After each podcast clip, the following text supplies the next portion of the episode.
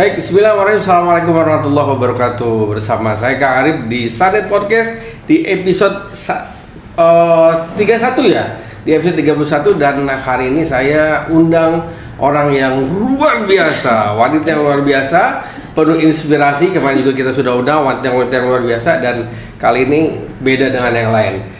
Dan kita sambut eh, teman saya ini Mbak Nurul Panengah, Yeay, namanya Mbak Nurul Panengah kan Nurul, gitu. nama beken. Nama beken ya kan gitu. Dan beliau ini adalah satu-satu, bukan satu-satunya, salah satu eh, pimpinan dari kelurahan di Cilegon Iya. ya, di desa di kelurahan. Kelurahan Pabean. Kelurahan ya. Pabean, Silakan Kecamatan Teh. Nurul Ya. di sama-sama dulu di Sanet Podcast silakan. Assalamualaikum warahmatullahi wabarakatuh. Eh, semangat pagi semuanya. Terima Wes, kasih nih ya. Kang Arif Ya. sudah mengundang di Sanet Podcast. ya. Saya Nurul Hadiati nama bekennya Nurul Panengah ya, Itu Lurah. Pabean. Itu mau saya tanya ini tuh, tuh, tuh kenapa Panengah? Kecamatan Purwakarta, Kota Cilegon. Iya. Saya mau nanya nih, pertama ya, itu Hmm. nama Panengah itu apa? Viralnya tuh di media sosial tuh Panengah. Panengah, iya. Apa sih itu Panengah Jadi sebenarnya kebetulan ya, Ah. eh, kebetulan nama suami Roni Panengah gitu. Oh, Tapi gitu. bukan karena suami karena harusnya kan nama orang tua Ah. ya. Itu cuma untuk nama Branding brand, aja. branding aja biar Masya gampang Allah. diingat, biar gampang diingat. Oke, berarti gitu. namanya Nurul Hadiati. Hadiati. Nah, ini eh, sosok kali ini adalah Hmm. beliau ini adalah eh, Lurah Pabean ya, salah satu lurah wanita di kota Cilegon dan jarang sekali lurah-lurah di daerah lain yang perempuan kan gitu ya. Iya. Ini cita-cita dari kecil apa jadi apa nih? 11 orang memang di eh, Oh, Kota 11 orang ya? Cilegon. Jadi 30% eh, lurahnya perempuan. 30%? Dari 43 kelurahan. Oh gitu ya. Enggak sebelum sebelum di kelurahan tuh eh, aktif di media sosial kan? Iya. Itu di di mana sebelum dari dari kelurahan itu? Ya sebelumnya di Kelurahan Bendungan jadi Oh, kepala di- seksi. oh, kepala seksi tadinya Kemudian memang, kan jadi gitu lurah. ya. Oh, Iya, begitu. Nah, ada apa sih di Pabean? Ada macam-macam ya. Jadi Coba Pabean. Itu berkelimpahan sumber daya alam dan sumber daya Setuju, manusia. Itu. Saya dengar Kang Pak- Arif pernah ke sana? Oh, saya sudah sering. Sering ya. Sering ke Pabean dan kenapa saya undang eh, Teh Teh Nurul itu di sana ada something gitu ya. Ya, ada something. Ada something yang eh, notabene ini kalau saya lihat ini banyak potensi-potensi yang masih digarap. Betul. Nama aja Pabean. Kenapa namanya Pabean? Ada artinya nggak? Artinya sih katanya itu dulu tempat eh, bea cukai gitu ya. Pabe, Pabean. Pabean. Kalau di googling begitu. Pabean gitu ya. Iya. Kirain itu lumbung padi atau apa gitu kan Pabean gitu kan gitu ya. Oke. eh ada apa sih di Pabean itu selain selain apa namanya sumber daya manusia, Iya. sumber daya alam dan lain-lain sebagainya kan gitu. Ini menurut eh Teh Lurah Iya. kan gitu ya. Ya ya potensinya itu ya sumber daya alam dan sumber daya manusia. Sumber daya Hmm. alamnya di situ eh, Pabean terdiri dari persawahan, perbukitan dan ini Sawah bisa jadi tempat wisata alternatif Nah. ya.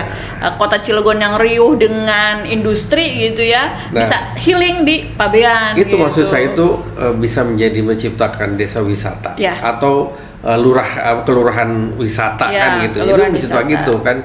Malah ada tempat eh, apa namanya? Kedurung. Kedurung. Ya, Nah, saya sempat ke Kedurung di situ dan Ah. eh, kalau teman-teman saya pernah ketemu dengan pemuda itu yang mengumpul di Kedurung ya, Hmm. ngumpulin para pemudanya untuk menjadi eh, pemuda yang luar biasa gitu. Hmm. Saya lupa namanya itu ya. Itu ada satu orang yang balik ke, ke bawah itu untuk eh, menciptakan sesuatu yang baru gitu. Tapi Hmm. lupa namanya. Nah, ternyata banyak mahasiswa-mahasiswa di daerah Pabean ya. Banyak orang-orang yang sumber daya manusia hebat di sana. Hmm. betul, gitu. Gitu betul. ya. Di sana rata-rata eh, sarjana. Sarjana, gitu. betul, Mampu tidak mampu itu harus wajib kuliah Harus gitu. kuliah kan Eh, gitu. wajib kuliah. Ya, ini udah berapa lama sih di Baru 8 April baru tiga bulanan ya? tiga bulan? Tiga bulan. Apa harapannya nanti buat Pabean di sana itu? Harapannya bisa bermanfaat eh, di Pabean dengan menggali dan mengeksplorasi potensi yang ada. Ya, alhamdulillah ya, kami dinobatkan sebagai Ya, satu lomba satu. tingkat provinsi. Nah ini prestasinya luar biasa nih ya teman-teman. Ada kemarin tuh ada apa di provinsi itu? Lomba kelurahan. Lomba kelurahan. Ya. Terus eh, kemarin dapat Eh, itu sebagai mewakili kelurahan. Eh, kita sedang proses menuju lomba kelurahan tingkat nasional. Masya Allah. Iya, Keren, mewakili keren, keren. provinsi Banten. Iya. Itu sih cuma cuma giliran aja sih tahun Ah. ini kebetulan gilirannya kelurahan Iya. Pabean. Tahun depan bisa kelurahan yang lain gitu. Ya katanya sih kema- tadi pasti WA mau ada yang diomongkan di luar dari podcast podcast sebelumnya. Iya. Nah, ini yang mau kita gali kan. Ini nih Iya. yang, yang saya tunggu-tunggu. Silakan. Ini bahas apa nih semua? Iya, oh, terserah gitu oh kan, iya gitu iya ya. iya. iya. Bahas tentang ini mungkin ya bagaimana perempuan ya memimpin Hmm. wilayah Nah, ya itu begitu satu. ya. Ya alhamdulillah sih menjadi lurah ini kan karena atas ridho suami juga ya. Ridho suami eh, diizinkan gitu Hmm. menjadi lurah ya eh, sesuatu jabatan yang tidak mudah. Betul. Eh, tidak mudah. Kita harus ketemu masyarakat dengan berbagai pikiran, berbagai isi kepala, berbagai isi Iya. hati ya tentunya banyak tantangan ya Ya. dan cobaan gitu ya Eh, insya Allah dengan ridho suami dan dan juga ridho orang tua gitu ya Ya. eh, dan niat yang baik gitu eh, langkahnya bisa dipermudah untuk menambah kemanfaatan hidup begitu Ya. menjadi seorang lurah Intinya ingin bermanfaat buat orang banyak. Iya. Gitu. ingin bermanfaat untuk orang banyak. Terus? Dan menariknya ya kalau eh, perempuan ya, saya sering diundang malam ya, otomatis kalau malam hari saya wajib diantar sama Suami. Iya. wajib diantar sama suami karena lokasinya juga yang eh, lumayan jauh dari tempat gitu ya. tinggal Iya. dan di Pabean itu juga tempatnya jauh sepi kan di ujung Iya, utara betul, kota betul. Cilegon yang tidak memungkinkan saya sendiri bawa mobil dan harus diantar dengan suami begitu. Eh, yang- Banyak ce- eh, curhatan-curhatan masyarakat sebelum menjadi, maksudnya pertama waktu menjadi lurah itu banyak nggak? Pasti curhatannya tentang apa gitu? curhatan. Enggak sih mereka hanya ingin eh, potensi di Pabean itu bisa dikembangkan, Dikembangkan, kan, gitu. gitu. Mereka punya inovasi, punya ide ya. Eh, kebetulan kami eh, di kelurahan itu ada namanya program Kopi Darat, komunikasi penuh inspirasi dari masyarakat, Oh. mengumpulkan masyarakat di satu lingkungan RW gitu ya. Ada tokoh masyarakat, tokoh pemuda, tokoh perempuan, eh, RT RW, lembaga masyarakat. Di situ Iya. mereka bisa mengungkapkan aspirasinya, Wah, idenya, pemikirannya begitu. Yang menariknya jadi perempuan lagi eh, mungkin ya di balik Iya, iya. yang belum saya ceritakan di tempat lain Sekarang ya. ceritakan aja, pokoknya di sana podcast buka aja semua kan gitu. Ketika lurah perempuan sedang datang bulan. Untuk gitu. ya otomatis kan eh, hormon-hormon itu kan luar biasa Iya, ya. iya. Eh, kalau ketika datang bulan mungkin Kang Arif nggak pernah ngerasain Orang ya. pusing gitu kan gitu ya? Mood- Eh, moodnya jelek gitu. moodnya jelek gitu ya tapi saya selalu berprinsip em, belum sebelum jadi lurah pun ya eh, saya harus bisa mengendalikan hormon jangan hormon yang mengendalikan Oh, saya iya. begitu Harus bisa mengendalikan hormon ya, Eh, eh, jangan dibalik iya gitu ya. dibalik begitu prinsip saya nah menariknya itu yang ini yang saya belum cerit eh, belum ceritakan dan orang lain nggak tahu Nah, ya ceritain ketika proses eh, tahapan administrasi di tingkat nasional ya. Hmm. kami lagi dipantau tuh sama provinsi ya. Provinsi datang ke kantor gitu kan. Datang ke kantor melihat persiapan kami di tahapan administrasi gitu ya. Kebetulan saya waktu itu sedang feeling wah saya sedang mau datang bulan ini ya. Oh. ya begitu.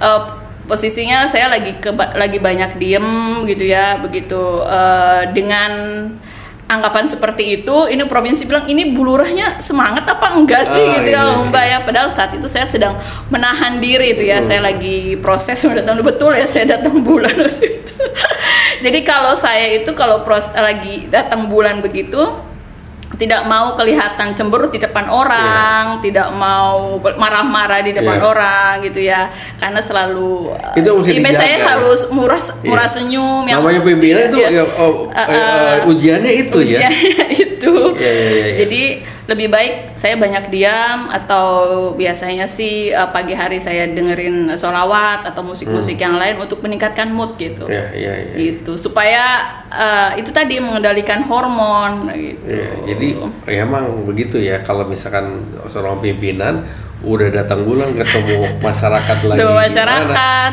itu bisa dijaga kan Iya. gitu ya apalagi selain yang belum diomongin di podcast lain nih eh ya itu manajemen emosi ya karena Iya, kalau emosi. jadi lurah itu ya pasti banyak ada saja gitu Iya. omongan-omongan itu ya itu manajemen emosinya harus luar biasa ya Eh, ketika menanggapi masyarakat itu ya harus dengan senyuman dan positif thinking aja Iya, gitu betul. pasti segala sesuatu terjadi untuk sebuah alasan ya segala sesuatu terjadi untuk sebuah alasan misalnya ada kejadian A oh pasti uh, alasan Allah tuh untuk sebuah B gitu Hmm. gitu saya selalu punya prinsip itu jadi kalau ada masalah A oh berarti ada ada apa nih Ada pasti akan ada hikmah itu. di balik itu Ya, kalau di komunitas saya di PPI itu pesan ada pesan cintanya. gitu. yes uh, ada pesan cinta dari sebuah Iya, ujian ujian. Oke, eh, kan Pabean itu unik gitu ya. Menurut saya sih Hmm. unik gitu kan ya. Daerah-daerah eh, pesisir, tapi ada tengah-tengah kota Cilegon, Iya. kan gitu ya. Saya pernah naik ke atas itu banyak potensi-potensi alam kan gitu ya. Nah, apa yang diharapkan Teh Lurah untuk menjadi satu titik eh, destinasi wisata baru nih? Eh, seperti apa sih gitu ya keinginan eh, Teh Lurah untuk menciptakan ini potensi daerah nih wisatanya ada kan gitu di daerah mana itu ada nggak? ya Ya. Kami punya roadmap inovasi namanya eh, di 2022-2023 eh, kami wujudkan itu namanya wisata Bukit Kedurung. Wisata Bukit Tentunya Kedurung. eh, dengan bersinergi pela- dengan pelaku usaha eh, di sana, stakeholder di sana. Eh, bagaimana nanti memberdayakan UMKM yang ada Setuju. kan sudah mulai viral viral nih eh, kedurung nih Hmm. ya belum belum juga running belum juga ini tapi sudah mulai viral Kedurung, Nah, nanti ke depannya ya mengajak anak-anak muda di situ untuk berperan serta uh, Hmm. bagaimana mengembangkan potensi.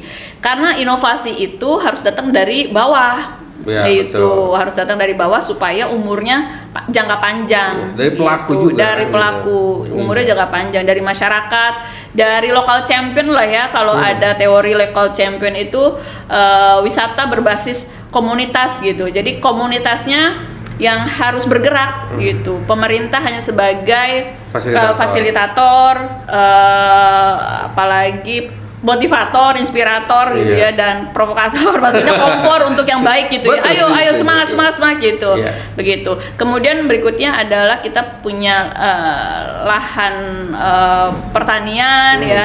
Uh, jadi 2023 2024 itu akan ada kampung buah dengan menciptakan um, sawah sebagai tempat healing alternatif Nah, itu. gitu.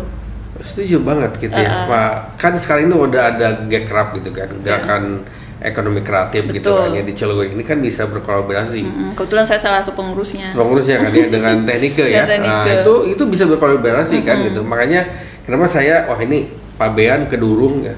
Jangan sampai Kedurung terkenal dengan eh, susah airnya kan gitu. ya. Nah, itu tuh permasalahan air tuh gimana gitu kan. Ya itu sudah puluhan tahun. dan in- Ah. Insya Allah kami eh, sedang berikhtiar terus ya, Ya. karena ini jadi salah satu peran juga untuk eh, mendongkrak wisata itu air Ya, penting saya ada ya. foto teman-teman di sana waktu apa namanya eh, ngirim air ya kan Ya. gitu. Sampai ke guling tank itu udah pernah kan di situ. Pernah ya? pernah kan situ tapi teh lurah belum di situ kan gitu Ya belum. itu unik banget lah karena kedurung terus ada beberapa daerah yang katanya naik motor juga susah kan dan gitu itu menjadi trekking juga sebenarnya kan buat buat wisata kan gitu. Wisata. Mm. Dan Eh, jadi memberdayakan ojek-ojek juga hanya orang-orang tertentu yang bisa naik, naik motor. atas kan gitu ya banyak teman-teman naik ke kedurung katanya ke guling-guling gitu kan gitu Iya, banyak kalau- banget kan berita-berita itu baik eh, Teh Lurah eh, harapannya dari terutama dari pemerintah ya untuk eh, apa kelurahan Pabean ini apa sih yang diharapkan kan gitu Iya. saat ini supportnya gimana kan gitu ya Eh, eh, pemerintah kota Pemerintah pemerintah, kota. kota. sangat eh, support ya Eh, Pak Wali Pak Wakilnya juga sudah Hmm. beberapa kali ke Pabean ke Kedurung ya Eh, harapannya adalah Pabean jadi eh, tempat wisata alternatif Iya, di keriuhan industri ya Betul, apalagi setuju, nanti setuju. mau ada oh, warga Korea yang berbondong-bondong datang Nah, ke itu. Cilegon karena mereka gitu. butuh-butuh sesuatu yang berbeda Iya, kan gitu jadi bisa healingnya jangan ke kota lain. bawa ke ke, ke Bawa Pabean. ke Pabean Nah, healingnya. setuju, setuju. Sekarang lagi tren healing Iya. gitu ya. Apa-apa butuh healing gitu. Ya. Eh, Ada nggak kerjasama dengan pihak swasta Ya. untuk mengembangkan itu? Proses on proses Ada? kan. On proses saya sedang mempromosikan terus. Selain wisata juga kami punya sentra emping juga. Hmm. Jadi sentra emping di Pabean itu ada 50 pengemping gitu dan itu sudah puluhan tahun mereka eh, melestarikan budaya ngemping itu jadi ibu-ibu itu eh, memiliki penghasilan dari emping dari pagi sampai sore mereka Ya. emping Pernah dengar Desa Cikolelet? Ya di Serang itu ya jadi Nah, tempat. itu. coba lihat ke sana. Itu saya pernah eh, waktu dulu saya pelaku wisata itu menjadi konsultannya di sana juga kan gitu. Itu pernah eh, ngobrol tentang desa wisata dan alhamdulillah banyak yang ke sana kan gitu. Makanya ini Cilegon ini harus menjadi eh, destinasi destinasi Destinasi wisata, baru betul. di Cilegon kan. Kan orang taunya Cilegon cuma satu jalur itu ya. Ya, Ternyata ada lagi. ada lagi ke arah situ Iya, kan arah gitu ya. situ. Makanya kan Gitu. eh, orang tradisional, mas tradisional eh, apa namanya ada keseniannya dan lain sebagainya itu bisa betul, lengkap. ditampilkan kan Lengkap banget sekali. kan gitu ya. Itu tadi senang eh, Pak Bian itu. Cerita sebelum apa namanya katanya sih aktif viral di sosial media kan. Ini kata teman-teman apa namanya kata Hasidi Wow, beliau ini adalah lurah yang lincah gitu. Lincah gimana sih katanya kan gitu. Ya, memang saya aktivis media sosial Aktivis ya. media sosial ya, kan gitu. Karena saya tahu eh, marketing itu paling tepat Di media eh, sosial. baik sekarang itu di media sosial, baik marketing diri, marketing saya sendiri, Personal branding. personal branding, marketing wilayah juga Iya. saya harus mempromosikan wilayah saya dong. Iya. ya. Yoga. Atau eh, marketing juga bisnis saya begitu Hmm. itu semua lewat media sosial. Nanti Sanet boleh ke Pak Bian ya. Sangat Kita Saya ya kita merah, sharing, kita apa namanya sedikit untuk eh, berbagi lah kan gitu ya. Kalau misalnya ada potensi yang ini kita kita bantu. kan. Wah itu sedap banget. Saya makanya begitu lihat wah ini jangan jauh-jauh kan saya juga sering ke Pandeglang, ke Pongosok gitu kan. Kedua-duanya. Nah, nggak usah jauh-jauh deh Ya, gitu. gitu. Terus di ada berapa warga di sana? Kalau Ada 3.700 3.700 potensi 3.700 3.700 eh, kebanyakan adalah penduduk asli. gitu Penduduk asli ya, Penduduk asli. Jadi kan. masih berkarakter. Makanya eh, kami punya visi itu Kelurahan Pabean yang mewujudkan Kelurahan Pabean yang berkarakter dan berdaya saing. Itu karakternya masih kuat. itu? nah, Oh. nah, dan mereka Tradisinya masih berdaya kuat saing. kan gitu Oh, ya? Karakternya masih kuat. tradisional tapi modern, kan modern. gitu. mm. Tidak apa namanya tidak alergi dengan kedatangan apa Betul. namanya eh, sesuatu yang baru Sesuatu yang, yang modern baru. kan gitu. ya. Oke, program-program apa aja yang sekarang eh, disiapkan oleh Teh Lurah di Pabean ini? Ya disiapkan itu, soal ke depannya eh, kami ditunjuk sebagai desa budaya ya. Desa budaya. Heeh. Ada apa aja budayanya? Desa budaya ada macam-macam nih, ada Pencaksilat. pencaksilat, ada rudat, ada Rudat nah, rudat ada ya? Iya ada, Oh. ada bandung rusung, ada eh, marawis, ada kosidah, lengkap, Nah. lengkap. Heeh. jadi menarik ini sebenarnya. Iya, Kalau Semua dibuat ada gitu. Ada program eh, apa namanya big event besar gitu kan, misalkan festival Pabean gitu. Udah ada belum? Sementara ini Kita bikin ya, itu.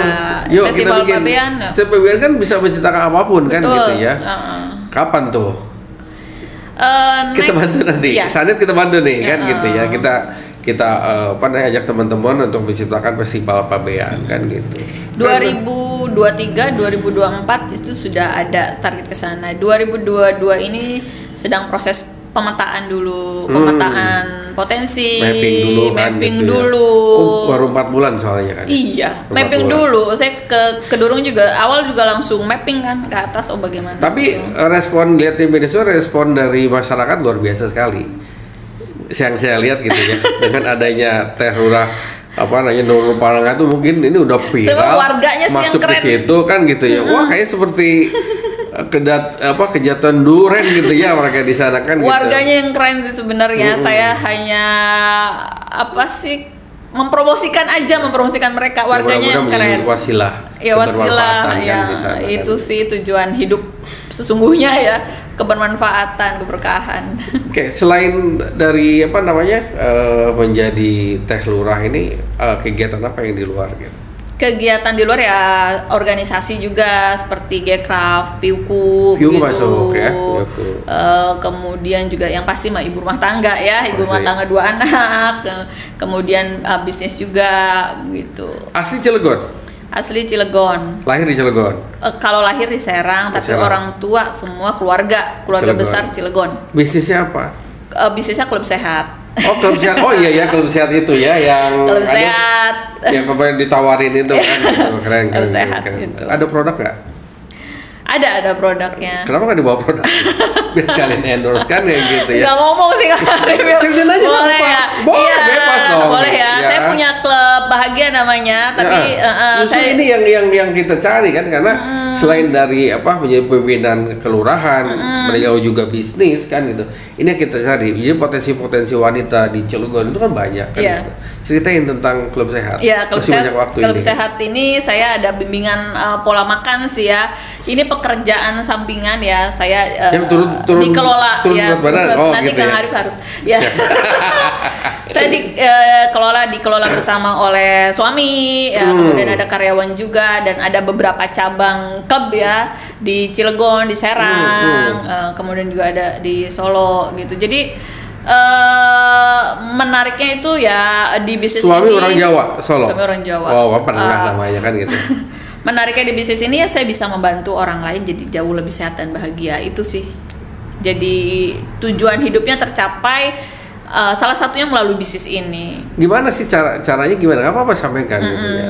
Kan caranya misalnya- dengan mengatur pola makan Cuma Pola konsultasi aja Iya, atau gimana? ada konsultasi mengatur pola makan kita ada bimbingan ada bimbingan Oke. yang bisa online bisa offline gitu Oh, Eh, gitu. bisa lewat online bisa lewat lewat produksi oh, offline produksi eh, produk. Iya, ada ada ada nutrisi penunjangnya. Oh, nutrisi. Ada nutrisi penunjangnya. Tapi yang paling penting itu adalah bimbingannya. Hmm. Bimbingannya bagaimana saya saya menjadi coach gitu buat Hmm. eh, buat klien lah ya, buat Iya. customer begitu. Itu bisnis sampingan yang menyenangkan sih. Iya. Nah dari bisnis itu juga saya belajar tentang ya manajemen emosi. Ya dari situ juga Hmm. ada pengaruhnya di pekerjaan. Karena kan suka ada training-training Iya. ya, training motivasi, training apa manajemen hati, manajemen Ya. emosi, begitu saya belajar dari situ Masya sih. Allah, Hmm, gitu. Pikiran ya, Kalau pikiran eh, harus klub- positif. Klub sehat ini eh, hanya di Cilegon atau seluruh Indonesia? ada seluruh Indonesia, Indonesia, bahkan di ini Ini di, baru di 94 negara juga ada. saya yang memang Cooper apa emang sudah lama ini klub sehat ini? Sudah lama saya, sayanya memang berarti belum kenalin sama Kang Arif. Ajak dong teman-teman eh, Sanet untuk eh, ke klub ya, sehat gimana Cok? ya, ya. Eh, saya ada program pengenalan eh, bebas biaya tiga hari di klub eh, sehat saya di Jalan Dewi Panjaitan, Palas. Oh, di Palas, Bisa gitu. nanti WA saya langsung ada program pengenalan tiga hari bebas biaya. Oh gitu. Pengenalan tiga hari bebas biaya. gitu. Jadi eh, semacam komunitas gitu ya, ya yang komunitas sehat-sehat kan gitu. eh, pengenalan program. Siap, siap. Eh, tadi tentang program eh, di Kedurung gitu kan ya. Ada nggak program pemerintah yang mensupport ke Desa Pabean gitu? Yang khusus gitu kan? Ada nggak? Ada itu melalui program inovasi kan Inovasi. sekarang eh, Bapak Wali Kota dan eh, Wakil Wali Kota Hmm. ya harus menghimbau seluruh eh, lurah memiliki seluruh kelurahan gitu ya Hmm. memiliki inovasi dan itu disupport anggarannya di tahun 2023 itu suatu support inovasi ya kami Ya. memiliki inovasinya ya kedurung gitu Kedurung gitu ya. ya.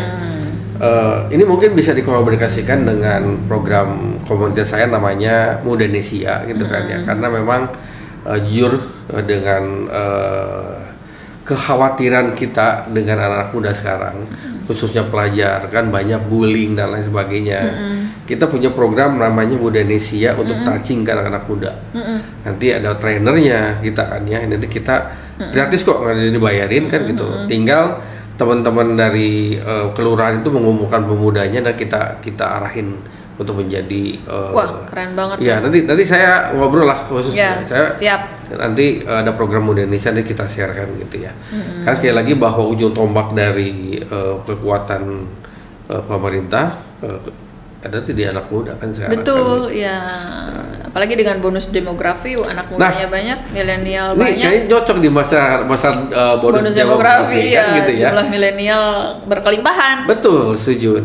Ini, ini salah satu materinya ada ada bonus demografi kan. Iya. Ini bisa nyambung kan gitu ya. Iya.